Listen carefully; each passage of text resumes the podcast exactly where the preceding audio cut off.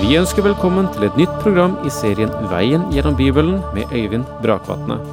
Denne studieserien er produsert av P7 Kristen Riksradio og bygger på serien Through the Bible av Vernon McGee. I dag fortsetter vi med profeten Mika.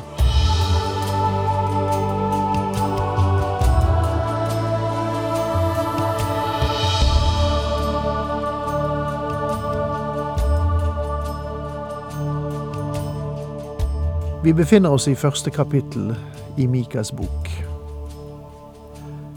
En av de vakreste bøker du kan tenke deg, rent litterært sett. Skrevet av en mann med stor finfølelse, og med store litterære gaver, vil jeg si.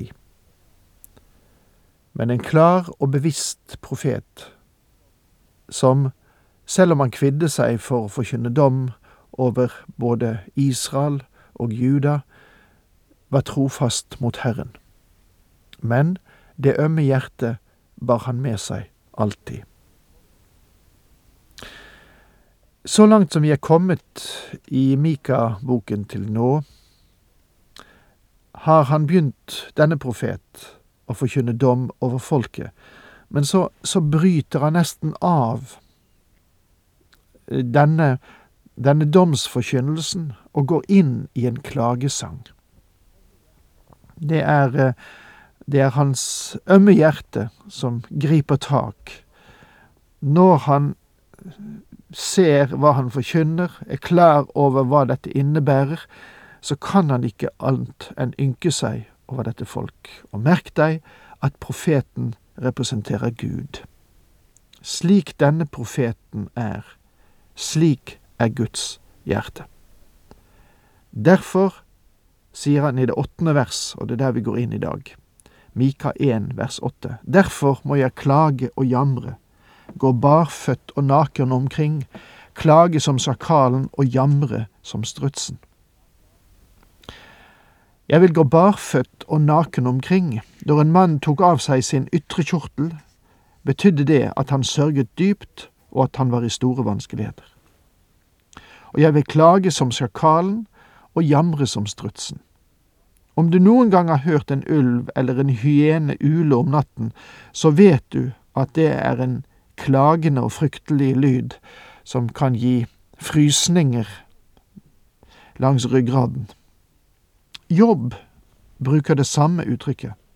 Han sier i kapittel 30 vers 29, Jeg er blitt en bror av sjakaler, en som holder lag med strutser.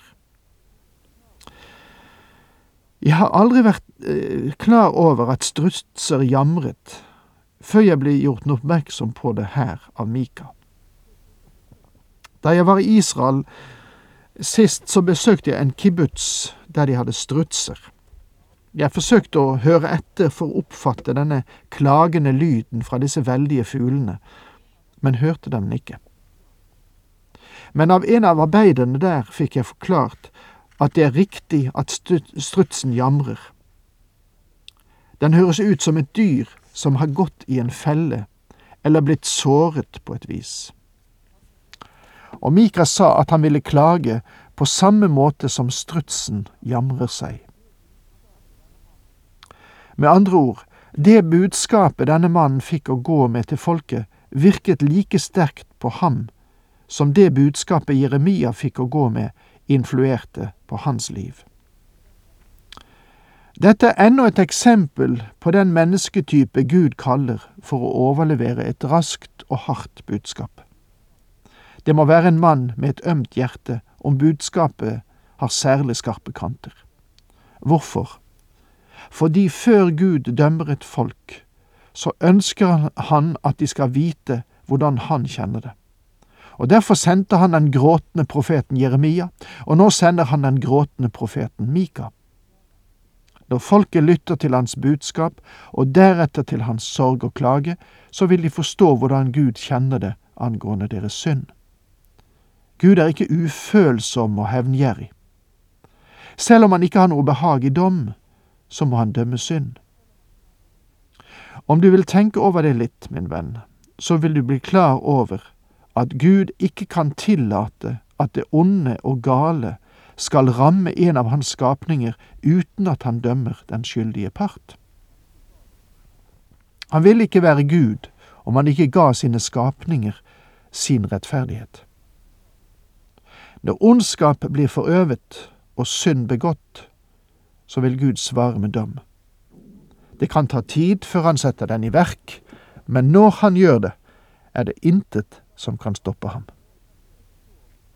For et slag har rammet Juda, og såret kan ikke leges. Det har nådd til mitt folks port, like til Jerusalem.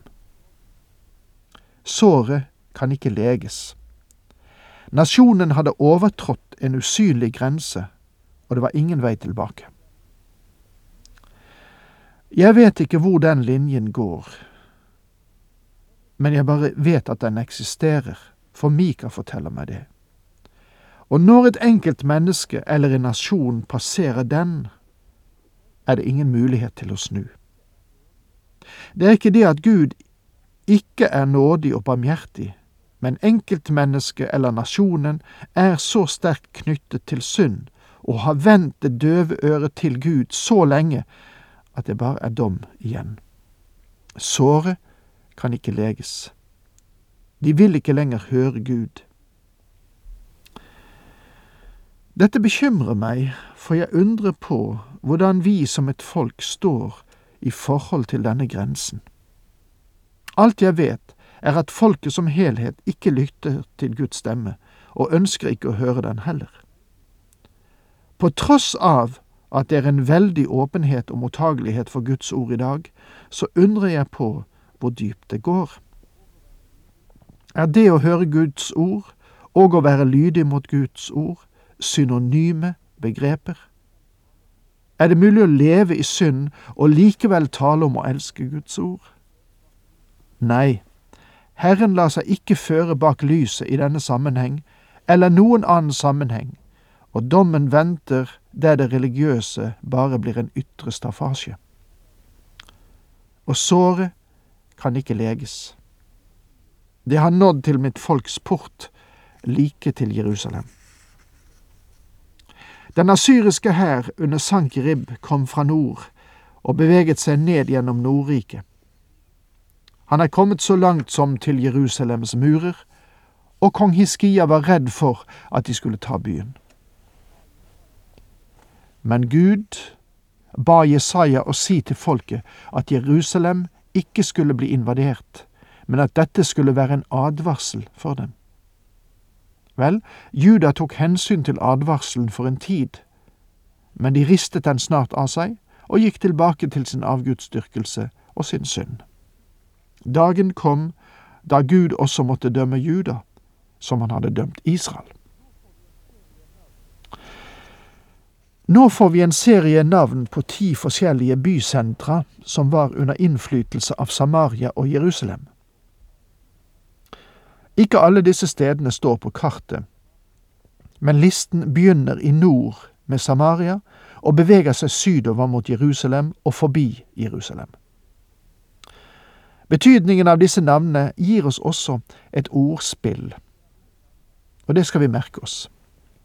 Fortell ikke dette i Gatt, hold opp med gråt og skrik, velt dere i støvet i Bet Liafra. Fortell ikke dette i Gatt. Navnet Gatt betyr gråtebyen. Gud sier, gråt ikke ved gråtebyen. Gatt tilhørte filistene, en av Israels stadige fiender, og han sier, ikke la dem vite om at dommen kommer over dere. Velt dere i støvet i Bet Liafra. Bet betyr hus, og Liafra betyr støvbyen. Å drysse støv eller aske over hodet var tegn på den dypeste sorg. Hvor denne byen lå, vet vi ikke, men tanken synes å være at folket skulle klage over sitt eget område, sitt territorium. Dra nakne og vanæret bort, dere som bor i Shafir. Innbyggerne i Saanan våger seg ikke ut. Bet har esels klagerop river grunnen bort under dere. Shafir betyr den vakre byen. Innbyggerne der ble borte, og også byen selv, så hvordan han ligget er absolutt ukjent. Den vakre byen var ikke lenger vakker, naken og vanæret var den i stedet blitt. Innbyggerne i Saanan våger seg ikke ut. Saanan betyr byen som marsjerer. Men marsjbyen marsjerte ikke. Stedet hvor denne byen var forlagt, er også ukjent for oss. Hvordan kan folket i Marot vente seg noe godt når ulykke fra Herren slår ned ved Jerusalems port? Hvordan kan folket i Marot vente seg noe godt? Navnet Marot betyr bitterhet. De ventet på gode nyheter, en god rapport, men de fikk bare bitre meldinger. Ulykke fra Herren slår ned ved Jerusalems port. Asyrerne marsjerte helt frem til Jerusalems murer. Spenn hestene for vognen, borgere i Lakish. Dere ble opphav til Sions synd. Hos dere er Israels frafall å finne. Lakish var hestebyen. Det var et velutviklet avlsprogram, og byen var kjent for sine store staller. Det er en by sydvest for Jerusalem, nær Filisterlandet, det sted der avgudsdyrkelsen først ble introdusert i Sydriket, Juda. Det virker som Lakish var knutepunktet for avgudsdyrkelse mellom Israel og Juda. Spenn hestene for vognen er henvisning til hestene, og vi vet at her ble de hestene oppfostret og voktet som ble brukt i soltilbedelsen. Du husker kanskje at selv grekerne hadde sin Apollo som drev sin vogn over himmelen i forbindelse med soltilbedelsen. Gud fordømmer Lakish fordi den åpnet for avgudsdyrkelse i judafolket i Sydriket. La Moreshet Gat få avskjedsgave. Som en sviktende bekk er husene i Aksib for Israels konger. Moreshet Gat var Mikas hjemby. Den lå i Sydriket, i Juda. Som en sviktende bekk er husene i Aksib for Israels konger. Aksib betyr løgnens by. Dette sentrum for løgn levde opp til sitt navn, som også de andre byene gjorde. Løgn og korrupsjon ble nesten sett på som dyder. Aksib er det hebraiske ordet for en vinterbekk eller en løgn. På vinteren, i regntiden, kan elven gå virkelig høy, men i tørketiden er det nesten ikke en dråpe vann. I Israel er det mange slike elveløp. Nå er det kanskje lettere for deg å se hvorfor Aksib betyr en vinterbekk eller en løgn. Og Aksib var løgnens by, fordi de hadde lovet hjelp til Nordriket, men de kom aldri til unnsetning. Som en sviktende bekk er husene i Aksib for Israels konger. Og da nærmer vi oss slutten for eh, denne dagen. Og det er egentlig bare igjen for meg å si takk for nå, Herren med deg.